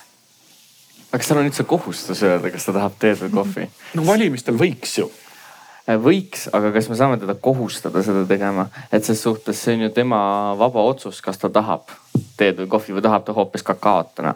ei, ei kohal..., räägime teed või kohvi, teed, teest või kohvist. aga ma tahan kakaod ja see on, ongi see, kus. mulle ei meeldi kakao jah, ja nüüd te keelate mul kakaod ju, et ma valiks teed või kohvi, näete okei okay,, aga anname sõna publikule. ja Imre Treufeld siin, ma tahtsin öelda, et see läheb täpselt kokku sellega, mida ma lugesin äh, eelmine nädal äh, seoses äh, sellise teemaga nagu psühholoogiline turvalisus. ja see on siis meeskonnatöö üks, üks, üks aspekte. nimelt Google on väga põhjalikult uurinud, mis meeskonnad on edukad. kui rääkida no, suurem osas igasugustest ettevõtetest, inimesed töötavad meeskondades ja edukad meeskonnad uuringute järgi on need, kus meeskonnaliikmed tunnevad äh, turvaliselt äh,, et öelda välja erinevaid asju, mis võivad mitte nõustuda äh, ühiskonna või, või meeskonna arvamusega. ja, ja seal on selline nagu tunne, et nad, nad teavad, et, et neid noh ei, ei, ei panda pahaks ja neisse ei suhtuta halvasti, kui nad midagi ütlevad, mis ei lähe kokku kõigi arvamusega. et see on selline nagu kultuur ja seda kultuuri tuleb tekitada, seda saab tekitada väiksest grupist alates, et meil on sihuke reegel, et me võime omavahel mitte nõustuda, me võime vaielda, aga, aga see ei ole nagu, see ei ole halb, me võime seda teha, et võime, võime avatult rääkida. ja see on vajalik ühiskonnas, Eestis ei osata lahendada konflikte, inimesed äh, ei nõustu, aga nad ei lähe ka rääkima ja tekivad pinged ja, ja probleemid ja kõik kannatavad, aga probleemid ei lahene, sest inimesed ei lähe rääkima omavahel, sest kardetakse konflikti, sest ei osata suhelda nagu turvaliselt, see turvatunne puudub. jah, siinkohal ka tekibki see polariseerumine ja täpselt see, millest me räägime, et kui inimene ei, ei julge, siis tal tekib selline sisemine viha, mida ta hoiab, hoiab, hoiab, hoiab kinni kuni ta pettub ja lõppkokkuvõttes ta niimoodi paneb plärtsti kõik välja, eks ole. et jah kui paneb? kui paneb, jah, kui üldse teeb midagi, eks ole, lõppkokkuvõttes. kõige hullem on tegelikult siis, kui inimene kõige hullem on siis, kui inimene ei tee seda plärtsi ja ta hoiab seda enda sees kinni ja see on see mentaalne probleem, mis Eesti noorte seas on nii hull ja toob järgmise probleemi, et kas äh, okei okay,, see on see, et noor, Eesti noortel on see mentaalne probleem ja suitsiidinumber Eesti noorte hulgas on lihtsalt masendavad. tohut-, lihtsalt teevad tohutult kurvaks. nüüd, kas need inimesed peaksid keskenduma nii öö, kogukondlikule eesmärgile või nad peaksid keskenduma enda probleemidele ja proovida nendega tegutseda, mitte selle asemel, et okei okay,, see ei tähenda seda, et nad ei tohi tegutseda, vaid nad peaksid ka tegelema nagu, kuidas öelda in,, oma indiviidiga, mitte selle terve kogukonnaga. ja ma olen nõus, aga siinkohal tekibki jällegi vaatame seda natuke laiemalt korra veel repliigina, et kas me vaatame seda, et ta nüüd on probleem, et küsimus on see, kas me saame selle lahendada ma ei tea, töötava tugikeskusega, eks ole, et sa saad oma psühholoogi juurde nädalaga, mitte kolme kuuga ja sa saad oma psühhiaatri juurde. ah, kuue kuuga Kuu,. kuue kuuga veel parem, eks ole, et noh, selles mõttes, et siinkohal ju tekib kohe see tagajärg, et kui me ei panusta sellesse ühisk-, ühiskonna liikmesse, eks ole, kui ma ei, ei anna talle, ma ei tea, turvatunnet siinkohal, võtame, üldistame seda utreeritult, siis miks tema peaks midagi tagasi andma, eks ole. et see ongi see vastutus, et meie kui ühiskonna vastutus on toetada neid nooremaid isikuid või eh, nõrgemaid isikuid üldiselt, eks ole. ja selle noore või selle nõrgema ühiskonnaliikme kohustus on tulevikus siis ka, vabandust eh, vaba, eh, on ühesõnaga ka kohustus või vähemalt moraalne kohustus see tagasi anda ja meil aeg hakkab äh, peagi täis saama.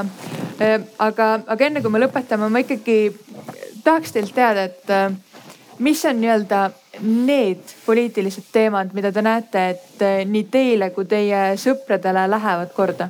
ma ütleks, et need asjad, mis on käega katsutavad või silmaga nähtavad, selles mõttes, et mingisugused noh, ongi a la kui minnakse näiteks protestima, siis see on nagu silmaga nähtav asi, et või nagu sa tunned, et see on üli nagu tähtis teema või näiteks kui ongi a la äh, Viljandis näiteks nüüd alles oli see draama, et näiteks äh, tahetakse ke, nagu kesklinnast kõik puud maha võtta. et see läheb nagu noortele korda, ongi see, et mis nad nagu näevad või kuulevad, aga just need mingisugused nii-öelda sellised teemad, mis on nii-öelda mingi tagatubade mingi paberimajandus, see nagu neid ei huvita, et nad tõstavad oma pea ja hääle siis, kui nad näevad, et midagi võetakse ära või nagu tehakse halvasti, vaata, ma arvan. Mm.. teemad, noh tahaks öelda, et mu tulevik on käega katsutav, paraku ei ole, et noh konkreetselt tulevik, et ma saaksin elada ja et ma ei peaks kartma selle pärast, et ma pean, ma ei tea, seitsmekümne aasta pärast siit põgenema, eks ole, kui ma üldse olemas olen seitsmekümne aasta pärast, eks ole.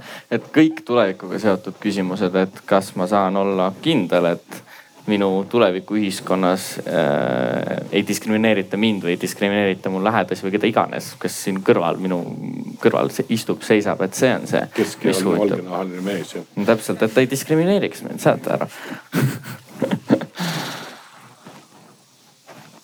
Teie kord kütuseaktsiis, sihukene lihtne ja, ja käegakatsutav asi. no räägigi, et see, mida sa näed või käega katsutav, et sa ei jõua varsti omale kütust osta autole, sest et. miks meil üldse autosid vaja on tulevikulinnas? probleem ongi, tule et sa saad Tallinnast ainult Paidesse autoga nüüd siis minna. niimoodi. oleks meil Elron, kes seda pakuks, oleks kõik väga hästi, aga Elron tahab raha ratta eest. no tahtsin just öelda, et näed, ratta paneks ju ka kaasa, aga need kalliks läheb. kaks korda. Pole vaja vabandada. Lähme teeme seal trimmeriga midagi, trimmerdame ise. murukääridega. jah, miks me üldse trimmerdame, eks ole? hobi. no ma räägin Äh, jah, minu sõbrad ei huvitu poliitikast. üldse? üldse. Mind ennast ka vaevu huvitab. aga sind ei huvita siis ka see, et näiteks ma ei tea, millised on äh, maksud? mulle tundub, et äh, mind huvitab nii palju, kui nagu väga brutaalselt peab huvitama, et äh, see hetk, kus poliitika hakkab nagu takistama minu elu sellest hetkest, aga nagu igapäevaselt mul ei ole aega tegeleda nii banaalsete küsimustega nagu, mis Poliitika. maks on ma räägin, see on nagu hobi, see on nagu, et kui ma valin ühe hobi, siis ta valib teise hobi, kui tema hobi on poliitika, siis ta huvitubki sellest, aga on teised noored, kellel ongi täiesti suva. Või nagu, et selles mõttes, et ta ei, ta ei huvitu sellest, sest et poliitika on nagu poliitika. Ja seda teevad poliitikud, et ta ei puuduta nagu mm -hmm. otseselt minu elu. kui ta hakkab puudutama, siis ma hakkan vaatama, et kas nemad teevad midagi valesti või et kas saaks nagu seal midagi muuta kas me võime seda kuidagi kokku võtta enam-vähem nii, et äh, kui me räägimegi sellest nii-öelda nagu poliitikast, siis ongi see, et kuidas need poliitikud seal nagu omavahel nagu kaklevad, mida nad seal nagu teevad. aga kui need poliitikud võtavad vastu näiteks otsuse, et äh, ma ei tea, me raiume kõik Eesti metsad äh, maha ja me tunneme, et see ei ole see tulevik, kuhu me nagu tahaks minna, siis me tegelikult ikkagi tunneme, et me tahaks kaasa rääkida ja oma sõna sekka öelda või, või olen ma kuidagi valesti aru saanud? vot kui mina, mina siin kui need noorte nii-öelda teemadel äh, hääletoru jah. Need noorel on suva sellest. ta ei, ta ei jõua nii kaugele. et mõelda, et, et kas see leht siin järgmine aasta ka liugleb meile peale või mitte. et, et, et äh, tema proovib iseendaga hakkama saada. aga kas see NEET-noor näiteks mõtleb selle peale, et äh, kui oleks näiteks mingisuguseid, ma ei tea, rohkem mingeid tugisüsteeme, et ta ei oleks selles olukorras või tal ongi täiesti savi? ta ei saa sellest aru, ma arvan, et teda ei huvita see, kas need tugisüsteemid on olemas või mitte, ta lihtsalt tahab sinna tugisüsteemi nagu, ta tahab nii-öelda paremat elu iseenda jaoks eelkõige, sest ta saab, tunnetab, et ta ei saa nagu hakkama, ma saan aru, kui ma õigesti, noh või ta tunnetab, et ta. tal on suva. tal on suva. tal on kõik hästi, ta lihtsalt on. jah, täpselt. tal ei ole midagi kui vaja, tal ei ole midagi puudu äh, sihukesest karmist NEET-noorest, siis äh, meil programmis on äh, olnud noori, kes on olnud neli aastat nii-öelda kapi taga. ta on olnud kodus, tema ainukene ülesanne või töö või tegevus on olnud äh, paar korda nädalas äh, koeraga väljas käia. ja ongi kõik. vanemad plekivad tal kinni, mis tarvis on ja ta on, ta on lihtsalt kodus et või ta lihtsalt on, et sellist noort nagu panna milleski huvituma. aga küsimus siinkohal, kas me ühelt poolt peame seda tegema, sest selles suhtes, kui see on tema heaolutunne, kui see on ta turvatunne, et ta saab seal ühe koha peal olla ja seal ühe koha, noh, meie jaoks ühe koha peal võib-olla, see on vabandust, kui see kedagi solvab, eks ole. et selles suhtes, kui see tekitab talle turvatunde, kui see tekitab talle heaolutunde, kas meil on üldse vajadust tõ- teda sealt välja võtta nii-öelda? kui see ei sobitu nii-öelda ühiskonna normidega võib-olla. ühel päeval vanemad surevad. mis siis edasi? jah, nõus, et aga jällegi, miks noh, siis siinkohal peab see riik ennetama nii seda, et ta ei jõuaks sinna olukorda, nii seda, et ta ka ei jõuaks äh, olukorda, kus ta vanemad on surnud ja ta on täiesti üksi, eks ole, noh konkreetses olukorras, et noh, see on kõik eeldustöö, et noh. jah, aga seda noort ei huvitagi nagu mingi poliitika, miks mm? -hmm. Ta lihtsalt kulgebki. viimane küsimus vist jah mm? -hmm.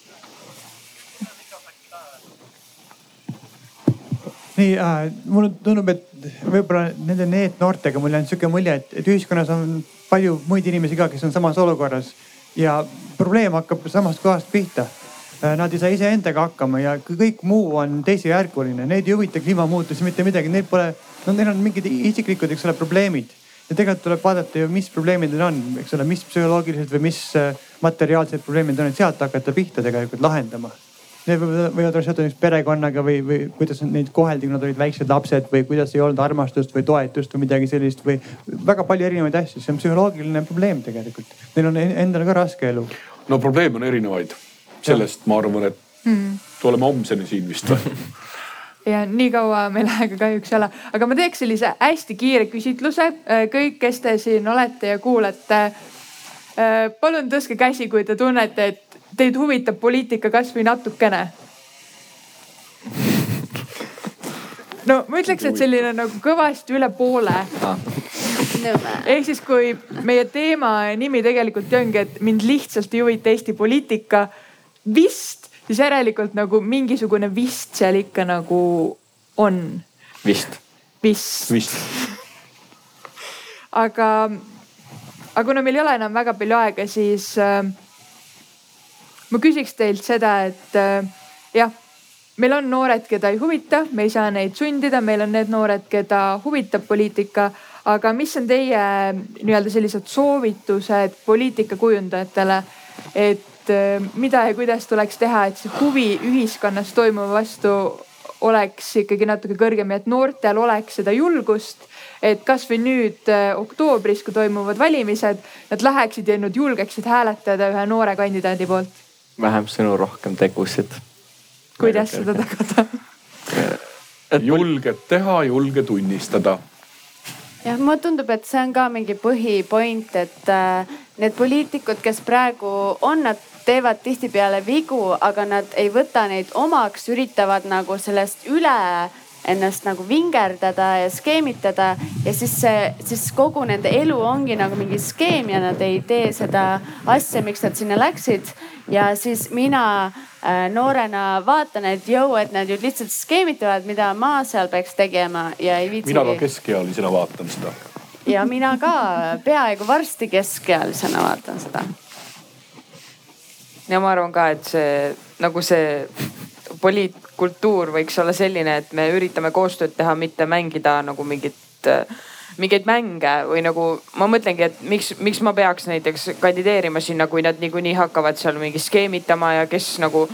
no see on nii läbinähtav või nagu, et see võiks olla ja see võiks ka olla nii, et et nii-öelda need vanemaealised poliitikud siis nagu tulevad noortele vastu ja nagu tahavad nagu koostööd teha, mitte see, et nagu noor peab minema ja pressima ennast kuhugi sinna ja tegema hullult häält ja lärmi, et saada tähelepanu. ja siis umbes see suur poliitik ütleb, et ei, ei, meil nii asjad ei käi. et see peaks nüüd kuidagi olema nii, et nagu nende nii-öelda nende vanemate poliitikute neil oleks ka vaja vist mingeid nagu koolitusi või asju, et nagu, et noor, noortel on päriselt nagu nagu head ideed või nagu, et nemad tahavad koostööd teha, mitte eks... nii, et noored jooksevad nagu vastu seina ja siis. Eh, eks ma arvan, et siin nagu... peab olema mõlemat, ma arvan, et. keskealised poliitikud jah ei, ma ei öelnud keskealised. selles suhtes, et ma arvan, et need noored peavad pingutama, et nende hääl oleks kuulda võetud ja ma arvan, et. tegelikult peaks poliitikud... iga poliitik selle. täpselt, täpselt, täpselt, täpselt, me peame otsima. noor või vana, aga kui sa tahad nagu ikkagist äh, endast jälge maha jätta või, või tahad Ühi... nagu midagi teha.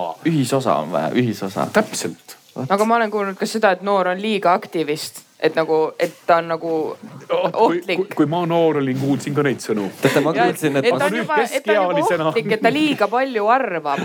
Toompeal istudes nagu... ma kuulsin, kuidas ma suren ära homme, et siis äh, neid äh, jutuajamisi, no ma olen ju vaktsineeritud. õudne kuidas see võimalik on? no ma räägin, kõik ajud äh, läbi summutatud. aga mul on tunne, et me ühiskonnana ei tohi ka lubada seda, et need poliitikud võivad seda teha või et äh, mulle tundub, et. Äh, mida? no valetada ja teha rumalusi, mitte omaks võtta vigu äh, minna peole ja maksta riigi raha eest. Ja mulle tundub, et me peame nagu reaalselt äh, ütlema, et jõu, et sa keerasid kõik pekki ja sa ei ole enam poliitik ja, ja see ongi ainuke variant. Ja kui sa valetad seal puldis, pult kinni, kõik aga siin lähiajaloost on täitsa näiteid ju, kes on oma peol riigi raha eest maksnud, ongi pult kinni ei, aga tema ei julge No ei ise rääkida. Aga ta on peidus. Nagu, ei no mis ta peidus pult on ju avatud, ta võib iga hetk sinna astuda. räägime anonüümselt või? jah, ei, me räägime konkreetselt äh, Luura on. kohvimasinast. aga kuidas teile üldiselt tundub, kas see poliitkultuur on pigem nagu tõusmas või ta nagu läheb ikka nagu halvemaks ja ma nagu arvan, et ta on tõusmas, mis on suhtes poliitkultuur? on seda olemas, eks. ei, ses suhtes ikkagi me näeme, et äh, aina rohkem me näeme, kuidas ikkagi tasa, tasa, tasapisi antakse ikkagi ka noortele konkreetselt hääleõigust, näiteks eelmised KOV valimised ja nii edasi. mis kindlasti mingil määral ka mõjutavad seda edasist äh, arengut, muutust, murrangut, kuidas iganes me soovime seda kutsuda. Aga tegelikult aeg on otsas ja see muutus oleks pidanud olema eile ja nüüd peab jõuga minema täna ja homme ja ülehomme, täpselt. ja eile, eile ka jõuga. ja eile jõuga. on meil äh, publikul veel mõni küsimus või kommentaar? aitäh. jah, tore. see on see, et kolm kohustuslikku viimast küsimust teile. Teie poolt meile tähendab. hakkame sealtpoolt pihta. aga meil enne tegelikult tuli see hääletamine nagu päris hästi välja, et siin räägiti hästi palju sellisest äh, skeemitamisest. kuidas teile tundub, et kui seda poliitilist skeemitamist oleks äh, vähem, poliitikud äh, valetaksid ja hämaksid ka vähem, kas see noorte huvi poliitika vastu oleks siis kõrgem või mitte, et kes siis arvab, et see oleks kõrgem, kui häma oleks vähem, siis käsi püsti. no siin on juba nagu vähem arvamusi. samas äkki siis oleks nii igav, et siis ei huvitaks üldse mitte kedagi, et nad isegi ei valeta, on nad nagu päris inimesed. ta on nii igav inimene, ta isegi ei valeta. sest tõesti. et Väga hea. ongi, tähelepanu saab ju, noored pööravad poliitikale tähelepanu siis, kui tekib draama, nagu ma arvan, et praegu selle kriisi ajal, mis meil on toimunud poliitikas, on palju rohkem noored nii-öelda kursis sellega või nagu on rohkem hakanud huvi tundma, sest et see on nagu draama nii-öelda, sest et köidab tähelepanu ja nüüd võib-olla nad on teadlikumad. sealt küsimus. tulebki see kolm viimast kohustuslikku ära. venitame, venitame. Äh, aitäh, ma küsiksin sellise rohkem positiivse küsimuse, et äh, näiteks äh, Berit, kui sa enne tõid välja, et äh, sa kandideerisid ja said hästi palju negatiivset tagasisidet ja ilmselt ka teised noored, et te olete saanud negatiivset tagasisidet, kui te sõna olete võtnud, et äh, mis on need positiivsed asjad, mis teid nagu endiselt motiveerivad või miks te endiselt sõna võtate ja näiteks endiselt volikogu töös osalete? ma arvan, et see on kuidagi sise sisemine motivatsioon või nagu selles mõttes, et isegi kui nad äh, nii-öelda andsid mulle halb nii-öelda negatiivset tagasisidet, siis äh, nii-öelda see kuidagi mind nagu nii-öelda tagasi ei lükanud või nagu selles mõttes, et ma võtsin seda nagu sellega, et nad järelikult panevad mind tähele. sest et ma olen veel saanud äh, nii-öelda oli ka selline situatsioon, et ma, meil oli probleeme volikoguga, sest et nad ei vastanud kirjadele, ei tahtnud koostööd teha, siis ma kirjutasin arvamusartikli ja peale seda helistati mulle kohe, kutsuti mingi kriisikoosolek, kutsuti mind kohale, et umbes, et miks sa nii tegid, miks sa selle avalikuks tõid, et umbes, et aga miks sa meie poole ei pöördunud aga see ongi see, et tegelikult annab natuke motivatsiooni juurde, see tähendab, et ma olen neil kandadel juba, ma ei ole nende selja taga enam, ehk siis nad tunnevad, et ma olen neile ohuks, aga see on halb ka, aga samas ma tean, et siis mu sõna loeb. nagu see on nagu üks viis. ei no ma arvan, noor on poliitikutele ohuks, see oleks hea pealkiri Delfis, sihukene headline. nii, ja eks ma arvan, et äh, meid kõiki motiveerib see, et äh, seni, kuni me ei saavuta seda muutust, mida me saavutada tahame ühelt või teiselt poolt, siis me ikka pingutame selle nimel, kuni see muutus siis tuleb. vabandust, ma ei ole noor, ma ei saa rääkida Mi. mikrofon on seal.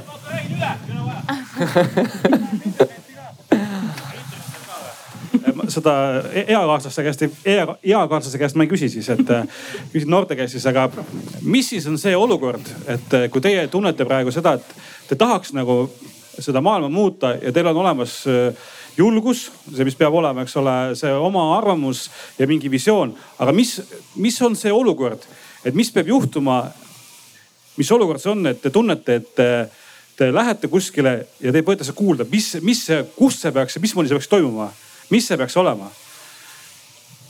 no kui sa räägid äh, kliimakriisist, eks ole, seal teed seda piketti, eks ole, sa räägid niimoodi, aga kuhu sa peaks, kuhu sa tahaksid minna, mis see peaks olema? eakaaslane ütleb, et see oleks küll inno, innovatiivne asi ei, ei noh, ära nüüd noori, las nad mõtlevad ise, mis see peaks olema, igaühele, igalühele see vastus, mis see peaks olema, et te, teil on visioon. vot ma lähen nüüd, nüüd räägin seda ja vot see inimene mind kuuleb ja siis nagu maailm muutub, mis see teie arust peaks juhtuma? Okei okay,, ma võin öelda, ma tahan, et äh, ma täna oleksin presidendikandidaat, saate aru või? noh, väga kerge, et tahan. Nad ei saa, ei saa, ei ole nelikümmend, näete noh, konkreetselt. tunnen, et ma peaks ära minema aga te saate ju, kirjutage Jüri Ratasele. ära minna või? ära minna ja mulle tundub, et kliimakriis on nagu nii kompleksne probleem, et sellel ei ole seda ühte palun, aitäh, head aega. sellel on nagu jah, mulle tundub, et see ei ole nii lihtne küsimus, kui lihtsalt te seda küsite. jah. kellele sa Eesti riigis selle küsimuse tahaksid hakata esitama, et see muudab midagi hmm.? Mulle tundub, et, et öelda kellele, siis et ütleks, et on mingi üks inimene, kes saaks selle otsuse võtta vastu. aga mulle tundub, et me ühiskonnana peaksime võtma vastu selle otsuse, et äh, me, meil on teistsugused väärtused või et me, et ei osta nii palju riideid või oleme lihtsalt paremad natukene nii, aga kuna aega ei ole enam palju jäänud, siis ma võtaks äh, selle arutelu kahe sõnaga kokku, ehk siis ühelt poolt me ütleme, et nagu noori lihtsalt ei huvita see poliitika, samas me tegelikult näeme, et nagu mingid poliitilised teemad siin nagu inimesi ikkagi huvitavad, sest käsi tõusis päris palju. Kristjanil oli vahepeal kommentaar. ei, see oli Kärbes, kes. see oli Kärbes. kirjutab. aga. kandadel jah, mida ma oskan lõpetuseks öelda, on see, et äh, Eesti Noorteühenduste Liit äh, teeb ikkagi selle nimel tööd, et Eesti noortel oleks rohkem osalusvõimalusi, noorte hääl oleks kuulda erinevates ministeeriumites, kohalikes omavalitsustes ja eks päeva lõpuks oleneb ka väga palju teist. Äh, kuidas te tulete nende asjadega kaasa, kas te lähete ja hääletate noorte poolt, kas te toetate noorte algatusi? sest et kui pole noori taga, ei ole ka noortel võimu. aga ma arvan, see on kõik. aitäh teile kõigile, kes te leidsite selle poolteist tundi, et eh, siin meiega kaasa mõelda, kuulata. aitäh teile ja eks me kohtume juba loodetavasti erinevates poliitikutele nõu andvates kogudes ja poliitikutega ühe laua taga, aitäh. selge see, et ega kõike kõike teha